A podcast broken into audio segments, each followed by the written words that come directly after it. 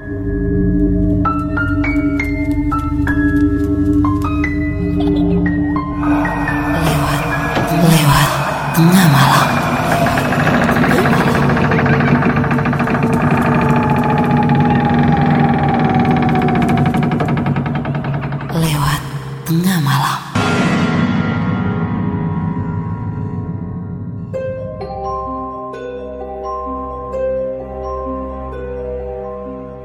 Hai, selamat tengah malam buat kalian semua yang selalu tongkrongin, selalu tungguin episode baru di podcast ini, tepatnya podcast lewat tengah malam.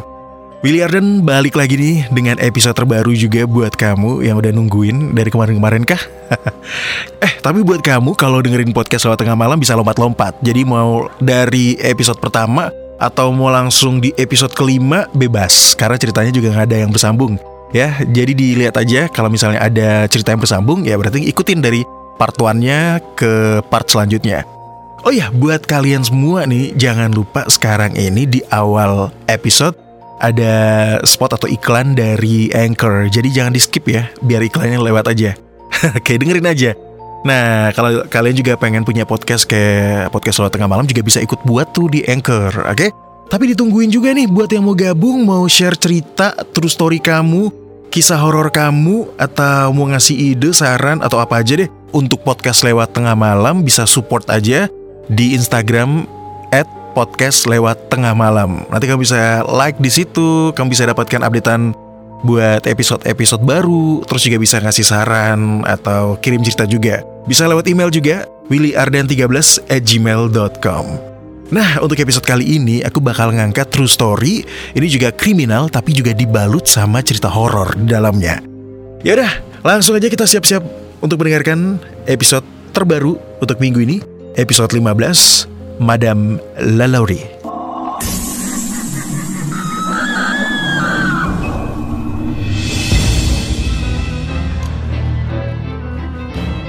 Madame Lalaurie adalah seorang sosialita dan dia juga pemilik budak yang kaya raya. Dia memiliki jumlah budak yang dikabarkan jumlahnya itu nyaris 100 budak yang dipekerjakan. Ada juga yang menyebut dia hanya memiliki 50 budak. Ternyata zaman dulu itu kalau mau ngeliat ya seberapa kayanya seseorang itu dilihat dari jumlah banyaknya budak. Bukan hanya dari besarnya rumahnya atau banyaknya hartanya ya, tapi juga dari jumlah budak yang dia pekerjakan. Maury Delphin McCarthy lahir di New Orleans tanggal 19 Maret 1787. Ayahnya bernama Louis Bartholomew de McCarthy, sedangkan ibunya bernama Mary Jean Lerable. Keluarganya telah pindah dari Irlandia ke Louisiana yang saat itu dikuasai oleh Spanyol. Satu generasi sebelum dia, dan dia adalah generasi kedua yang dilahirkan di Amerika. Banyak orang percaya bahwa setelah dia menikahi suami ketiganya, Lalaurie menjadi sosok yang jahat. Dan apa yang kelak terbongkar akan selamanya mengubah persepsi publik tentang sosok dari Nyonya Mary Delphine Lalaurie yang dulu dikenal sebagai bangsawan terhormat yang kemudian dikenal sebagai Savage Mistress of New Orleans. Apa pun alasannya, dia diketahui telah mencambuk budak-budaknya bahkan untuk hal-hal sepele sekalipun. Namun beberapa sejarawan percaya bahwa kelakuan sadisnya ini mungkin dibesar-besarkan seiring berjalannya waktu karena kisahnya menjadi legenda. Ditambah lagi pemberitaan dari daerahnya sendiri yang melukiskan sosok dari Madame Lalaurie ini mengerikan ya. Dan ia akan menjadi sosok penjahat abad pertengahan yang paling sadis tapi nggak pernah diadili oleh kejahatan yang dilakukannya. Jadi dia ini lolos dari pengadilan, sama sekali tidak dikenakan hukuman penjara untuk kriminalitas yang dia lakukan atau kebiadaban, kekejian yang dia buat. Wah, gila ya. Segila apa sih Madame Lalaurie ini? Nah, kita ikuti ceritanya. Madame Lalaurie ini telah menjadi bagian dari legenda New Orleans dan rumah bekas tinggalnya konon dihantui oleh hantu para budak yang menemui ajal di tangannya. Ya bahkan kalau kamu gak percaya hantu, sekalipun setidaknya kejahatan Lalaurie mungkin bakal menghantui pikiran kamu. Oke, kita ungkap fakta-fakta seputar Madame Lalaurie.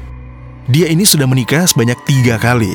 Madame Lalaurie memiliki lima anak dari tiga kali pernikahannya.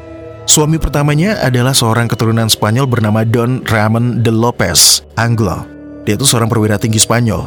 Pasangan itu memiliki satu orang putri, Kemudian suaminya meninggal dunia secara tidak terduga di Havana saat dalam perjalanan ke Madrid.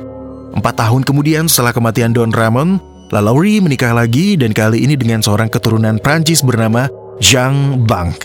Nah, Jean Blanc ini adalah seorang bankir, pengacara juga dan juga legislator ya. Jadi cukup punya kedudukan saat itu. Mereka memiliki empat anak, tiga putri dan satu putra. Setelah suami keduanya juga meninggal, LaLaurie ini menikahi suami ketiganya yang merupakan seorang dokter yang usianya jauh lebih muda, bernama Leonard Louis Nicholas LaLaurie. Nah, ada tragedi di balik rumah 1140 Royal Street atau rumah kepemilikan atas nama Madame LaLaurie. Pada tahun 1831, Madame LaLaurie membeli sebuah rumah tiga lantai beralamat 1140 Royal Street di French Quarter. Seperti yang dilakukan banyak wanita di masyarakat pada saat itu, Madame LaLaurie juga memelihara budak. Awalnya masyarakat sekitarnya terkagum-kagum dengan sikap Madame Lelori yang memperlakukan budaknya itu dengan baik dan penuh perhatian. Tapi desas-desus mulai menyebar bahwa kesopanan dan juga kebaikan yang diperlihatkan di depan umum itu semuanya fake alias palsu, ya hanya acting belaka. Dan rumor itu ternyata benar. Meskipun New Orleans memiliki undang-undang tidak seperti sebagian besar negara bagian selatan yang melindungi budak dari hukuman yang kejam, tapi tidak berlaku di rumah LaLaurie. Ada desas-desus yang mengatakan jika dia membiarkan juru masaknya yang berusia 70 tahun itu dirantai di atas kompor atau oven dan kelaparan. Ada laporan lain yang mengatakan bahwa kekejamannya juga menimpa ke anak-anak perempuannya yang juga dicambuk jika mereka mencoba membantu para budak-budak dengan cara apa pun. Dua dari laporan tersebut memang benar. Suatu hari ada seorang budaknya yang begitu takut akan hukumannya sehingga memilih untuk melompat dari lantai tiga. Dan budak ini memilih untuk mati daripada menjadi sasaran penyiksaan dari Madame LaLaurie. Nah, ada laporan lainnya juga nih mengenai seorang budak wanita yang usianya masih belia, berusia 12 tahun, bernama Lia. Ketika Lia menyisir rambut Madame LaLaurie, dia menarik rambutnya sedikit keras. Dan ini membuat Madame LaLaurie jadi murka ya. Dan akhirnya dia memberikan hukuman kepada gadis ini. Tapi seperti yang telah dilakukan budak sebelumnya, gadis muda ini naik ke atap dan melompat bunuh diri daripada harus menerima hukuman apa pun yang nanti akan diberikan kepadanya. Setelah kematian Lia, penduduk setempat mulai meragukan Lalaurie lebih dari sebelumnya. Setelah rumah Lalaurie terbakar dan orang-orang di New Orleans berusaha menyelamatkan para budak yang terperangkap di dalamnya, mereka menemukan beberapa eksperimen manusia yang benar-benar sadis dan mengerikan dikunci di loteng rumah.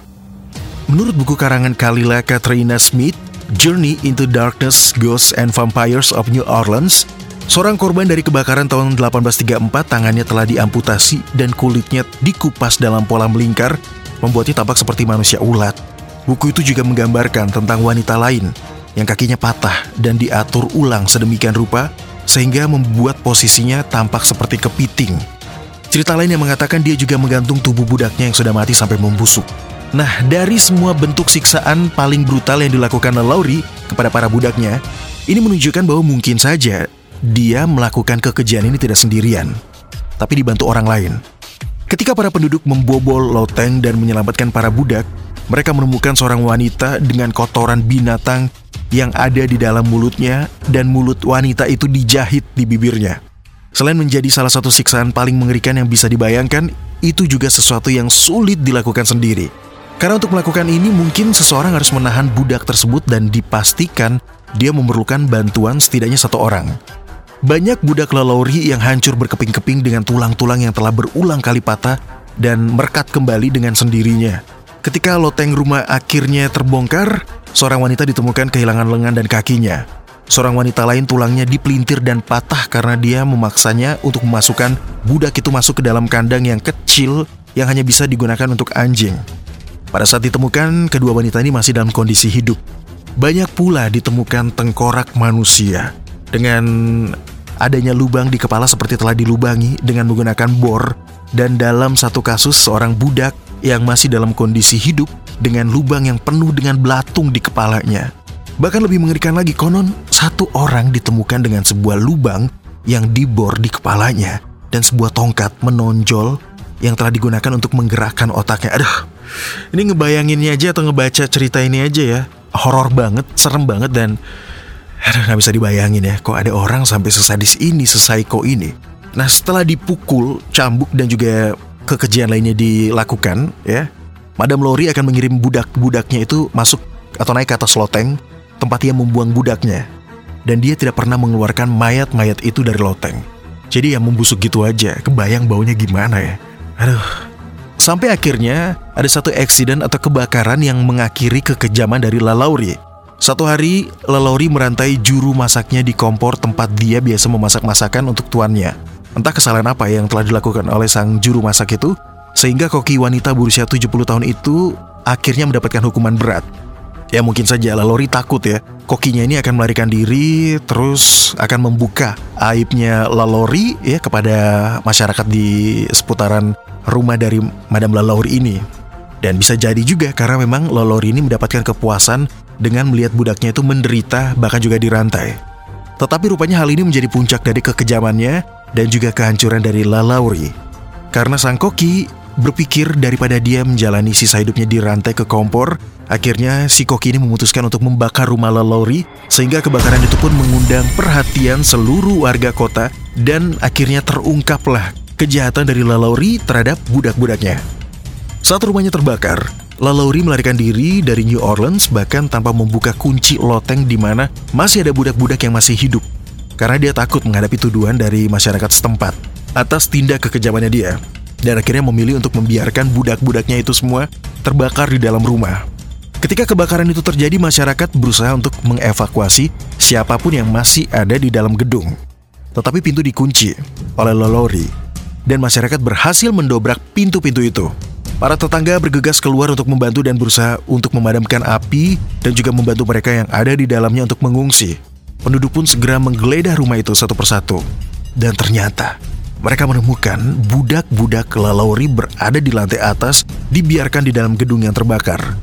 Setelah para budak dibebaskan dari gedung yang terbakar itu, hampir 4.000 warga kota yang marah segera menggeledah rumah, menghancurkan jendela, merobohkan pintu sampai hampir tidak ada yang tersisa kecuali dinding luar. Ada desas-desus lain kalau masih ada mayat-mayat di loteng dan mayat-mayat mereka ini dimutilasi, tidak dapat dikenali, organ mereka tidak semuanya utuh atau berada dalam tubuh mereka. Beberapa mengatakan hanya ada segelintir mayat, yang lain mengklaim ada lebih dari 100 korban tapi itu memperkuat reputasi Madame LaLaurie sebagai salah satu wanita paling brutal dalam sejarah Amerika. Beberapa budak yang selamat dari kebakaran karena mereka telah dikurung di loteng beberapa bulan sebelum kebakaran dan mereka rupanya belum mati. Setelah menerobos ke loteng, orang-orang New Orleans menemukan beberapa budak yang terkurung dan dibiarkan menggantung sampai mereka mati dengan sendirinya. Meskipun para budak yang ditemukan selama kebakaran berhasil diselamatkan, tetapi diragukan bahwa mereka akan bertahan hidup setelah melewati siksaan itu. Oh ya, Lalaurie ternyata mengkoleksi alat-alat penyiksaan dengan bentuk yang beraneka macam. Bukti mengerikan lain yang kemudian terungkap adalah bahwa Lalaurie memiliki sejumlah benda-benda penyiksaan. Dia punya belenggu dari segala bentuk dan ukuran untuk para budak-budaknya. Ya, jadi eh, apa ya belenggu ini semacam rantai untuk borgol gitu ya untuk uh, mengikat para budak-budaknya itu bentuknya macam-macam dijelaskan di situ. Dia juga punya kerah besi dengan paku yang menghadap ke dalam. Jadi cara kerah ini bekerja adalah ketika kita menarik nafas, paku-pakunya itu langsung nusuk ke leher. Gila, serem banget. Sebelum terjadinya kebakaran, desas-desus mengenai kekejaman Lelori terhadap budak-budaknya mulai terdengar dan ketika Hakim Jean Francois Canonc menyaksikan Laulori memiliki salah satu budak wanita dengan belenggu besi di lehernya, kemudian hakim ini melaporkan kejadian itu kepada suami Lalori. Dan ketika di pengadilan, suami Lolori hanya menjawab beberapa orang lebih baik tinggal di rumah daripada datang ke rumah orang lain untuk mendikte peraturan mencampuri urusan rumah tangga orang lain. Nah itu jawaban dari suami Lolori saat ada di pengadilan. Karena kelamnya sejarah yang ada di dalam rumah Madame Lolori ini, rumah ini akhirnya terkutuk. Setelah Lolori meninggalkan rumahnya yang terbakar di 1140 Royal Street, rumah ini tetap kosong selama bertahun-tahun. Jadi tidak heran ada desas-desus kalau rumah itu berhantu. Ditambah lagi dengan residu-residu yang ada di dalam rumah itu, sejarah mencekam dari rumah itu, ya, akhirnya membuat memang pastinya para astral akan berkumpul di dalam bangunan ini. Ditambah lagi dengan cerita-cerita horor dari warga setempat yang melihat, mendengar hantu-hantu mantan budak. Ketika rumah itu akhirnya ditempati lagi, pemilik baru itu mengeluh mendengar jeritan dan rintihan yang mengerikan. Dan si pemilik hanya kuat tinggal di sana selama tiga bulan. Akhirnya pindah. Akhirnya rumah itu berubah menjadi sekolah menengah anak perempuan, kemudian menjadi sekolah musik dan sekolah menari, dan laporan berita lokal menuduh kalau guru laki-laki sekolah itu telah melecehkan siswa-siswanya dan sekolah itu kemudian ditutup. Akhirnya rumah itu diubah menjadi bangunan apartemen murah. Warga mengeluhkan penampakan hantu yang kejam dan menakutkan. Seorang penduduk mengaku melihat hantu budak telanjang yang dirantai mengejar mereka, tapi kemudian menghilang begitu saja. Memang tidak mudah untuk mencari penyewa yang bisa bertahan tinggal di bangunan itu dalam waktu yang lama. Akhirnya dalam waktu yang lama juga, rumah besar itu sepi. Beberapa bisnis pindah dan tidak ada yang bertahan lama. Hari ini bangunan itu merupakan bangunan apartemen Selama renovasi, para pemilik rupanya menemukan lebih banyak lagi mayat-mayat yang dibuang ke sebuah kuburan massal yang lokasinya itu ada di bagian bawah rumah. Madam Lolori tidak pernah diadili. Meskipun Madam Lolori telah terbukti melakukan penyiksaan terhadap budak-budaknya, tapi ia mampu menghindari hukum. Tidak ada yang benar-benar tahu bagaimana dia menghabiskan sisa hidupnya.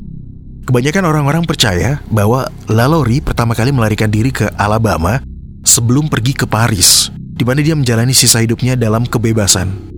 Sebenarnya saat itu dia bukan satu-satunya pemilik budak yang melakukan kekejaman yang mengerikan. Lalori hanya satu dari sekian banyak majikan yang kejam terhadap budak-budaknya. Tindakan-tindakan brutal ini rupanya dimaksudkan untuk membuat takut atau menggertak para budak agar tidak ada yang melakukan pemberontakan. Ini menurut sejarawan Daniel Rasmussen. Jadi dulu itu mereka akan mengikat tangan para budak, kemudian mencambuk dengan semeti, dan itu akan membuat mereka berdarah dan tidak bisa bergerak. Mereka juga memiliki topeng besi untuk dipasang di kepala sehingga mereka tidak bisa makan. Eh, jadi ini semacam hukuman para majikan-majikan yang punya budak di zaman dulu.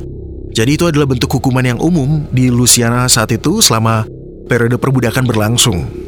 Mereka percaya bahwa tanpa tindakan kekerasan seperti ini, budak tidak akan tetap menjadi budak. Secara khusus revolusi Haiti serta pemberontakan budak terbesar yang terjadi di New Orleans di tahun 1811 membuat pemilik budak khawatir bahwa tawanan mereka akan bangkit dan membalas dendam. Para pemilik budak New Orleans bereaksi dengan penindasan yang kejam. Banyak sejarawan yang menduga bahwa Lalaurie mungkin cuma menjadi kambing hitam untuk menggeser rasa bersalah atas perilaku dari banyak pemilik budak lainnya yang pada masa itu memang sama kejamnya juga sih. Cuma memang lebih kejam Madame Lolori dengan perlakuan sadisnya terhadap ke-100 budak-budaknya itu. Meskipun rumah Madame Lolori masih berdiri sampai sekarang ini di sudut Royal Street, keberadaan Madame Lolori masih belum diketahui. Wanita itu dan sopirnya hilang. Ada yang menduga dia melarikan diri ke Paris, namun tidak ada bukti kalau ia pernah sampai ke Paris. Putrinya mengaku telah menerima surat darinya, meskipun tidak ada yang pernah melihatnya. Pada akhir 1930-an, sebuah plat tembaga yang sudah usang dan retak ditemukan di pemakaman Saint Louis, New Orleans dengan nama Lalaurie Madame Dalvin McCarthy, nama gadis dari Lalaurie. Tulisan pada plakat itu dalam bahasa Prancis mengklaim bahwa Madame Lalaurie meninggal di Paris tanggal 7 Desember 1842. Namun misterinya tetap tinggal sampai sekarang. Sebagaimana bukti lain di Paris menyatakan bahwa ia meninggal pada tahun 1849. Sampai hari ini, tubuh Nyonya Mary Delvin Lelori belum pernah ditemukan. Oh ya, sebelum saya tutup podcast ini, teman tengah malam, sekarang ini bangunan peninggalan Madame Lelori itu masih berdiri kokoh ya, dan masih ada bangunannya. Merupakan hunian yang dibangun di atas lahan seluas 10.000 kaki persegi. Rumah ini zaman dulu terbilang megah ya, dan sekarang rumah ini mendapatkan julukan sebagai salah satu rumah paling berhantu di dunia, khususnya di Amerika.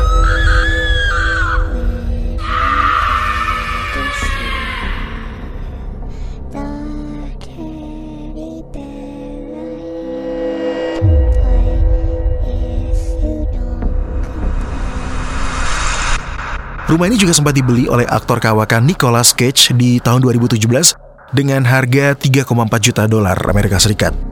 Bahkan kisah rumah Madame Lelore ini juga pernah diangkat menjadi serial Amerika yang berjudul American Horror Story Coven yang dirilis tahun 2011.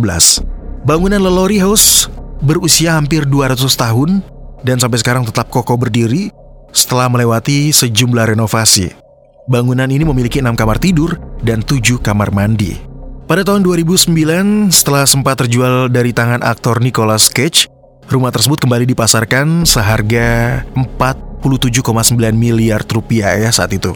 Dan itu merupakan salah satu harga fantastis untuk sebuah hunian yang sudah terkenal berhantu. Hingga kini, hantu budak-budak Madame Dalvin dikabarkan masih berada di Lalaurie Mansion. Orang-orang yang melewati bangunan tersebut sering kali mendengar teriakan dan melihat bayangan-bayangan dari lantai atas bangunan ini.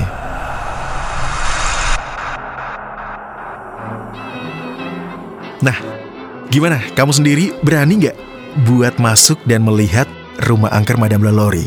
Katanya sih ini jadi objek wisata untuk room tour ke rumah angker di New Orleans, Louisiana. Itu dia true story kita ya, kriminal juga. True story Madame Lalaurie, salah satu sejarah terkelam dari Amerika ya mengenai kesadisannya dia terhadap budak-budaknya. Tongkrongin terus podcast lewat tengah malam biar kamu nggak pernah kelewatan satu episode pun. Terima kasih sudah mendengarkan podcast lewat tengah malam. Sampai ketemu di episode berikutnya.